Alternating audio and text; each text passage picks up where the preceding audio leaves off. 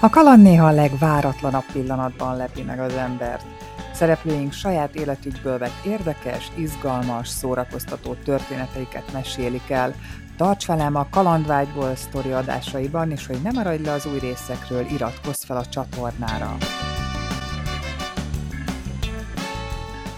A fő sztori, amit szerettem volna nagyon megosztani, és szerintem inspiráló minden szempontból, az az, ahogy a férjemet megismertem, meg ahogy így az egész életem így, így kialakult külföldön, mert nyilván az ember nagyon-nagyon fél, egy csomó kérdés van benne, és realisztikusnak kell maradni, tehát meg kell lenni egy olyan határban, hogy mi az, amit tényleg így reálisan el tudok érni, és mi az, ami reménytelen, de ha felül tud kerekedni a félelmein, és mer beleugrani a mély vízbe, akkor az élet valahogy mindig úgy sodorja, hogy aztán a végén jó legyen. Én ebben tényleg hiszek, mert számtalanszor beleugrottam, és a legnagyobb ugrás az tényleg ez a külföldi élet volt, amikor 22 évesen két bőröndön felmondtam otthon, és kijöttem élni. És férjemmel négy éve ismerkedtünk meg, és hihetetlen volt, mert addigra már annyi ilyen online, ismerkedős, randis, motorbalesetes sztorin voltam túl, hogy én azt mondtam, hogy bemegyek és apáccal leszek, mert nem bír, tehát hogy már egyszerűen éreztem, hogy már nem bírok többet az olasz srácokból, egyszerűen nem bírtam, és akkor az egyik barátnőmmel elmentünk egy ilyen koncertszerű rendezvényre, hát a barátnőm késett. Vártam a parkolóban, nézelődök, mondom, ki van a decuki kis srác, és ő is vár, és nézelődik, és ő is néz engem. Hát mondom, ez érdekes, mondom, még, még a Tinderen is lehetne, és nem is történt ott semmi, csak láttam, hogy kiesett a szemem, mondom, jó van, ez tök jó, örülök neki,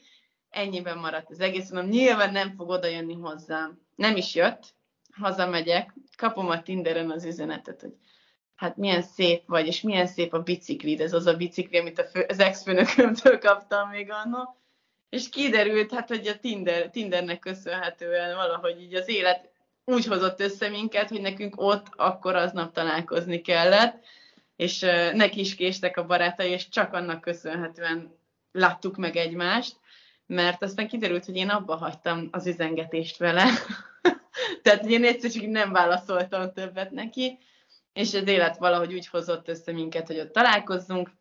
és hát tényleg, hogy úgy utána minden annyira csodálatosan történt, és egy olyan csodálatos embert ismertem meg, aki annyira megváltoztatta az itteni életemet, és annyira, annyira sok szépséget hoz a mindennapokba, hogy megérte az a, az első két év nagyon durva élettapasztalat, hogy eljussak oda, hogy tudjam értékelni a jót, tudjam értékelni azt, hogyha találkozok egy olyan emberrel, aki tényleg jó ember,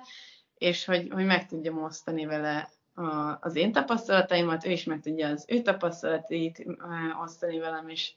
és hogy ilyen igazi, őszinte szeretetben élni. De most jól értem, akkor ti korábban a Tinderen már találkoztatok, vagy beszéltetek? Igen. Neki leesett, hogy ez te vagy, akivel? Igen, hát az a lényeg igazából, hogy megnéztem a képeit, amikor így beszélgettünk, és hát volt egy ilyen hátulról pucérsegges kép, nem tudom máshogy mondani, és azt mondtam, hogy kell ez nekem? És nem válaszoltam többet, ez volt kb. egy hónappal azelőtt, hogy mi találkoztunk volna ott a parkolóban. és, és aztán nyilván, tehát nyilván az első lépés az volt, hogy letörölte azt a képét, a második az, hogy letörölte a Tinderjét, amikor egyértelmű volt, hogy akkor most itt van valami.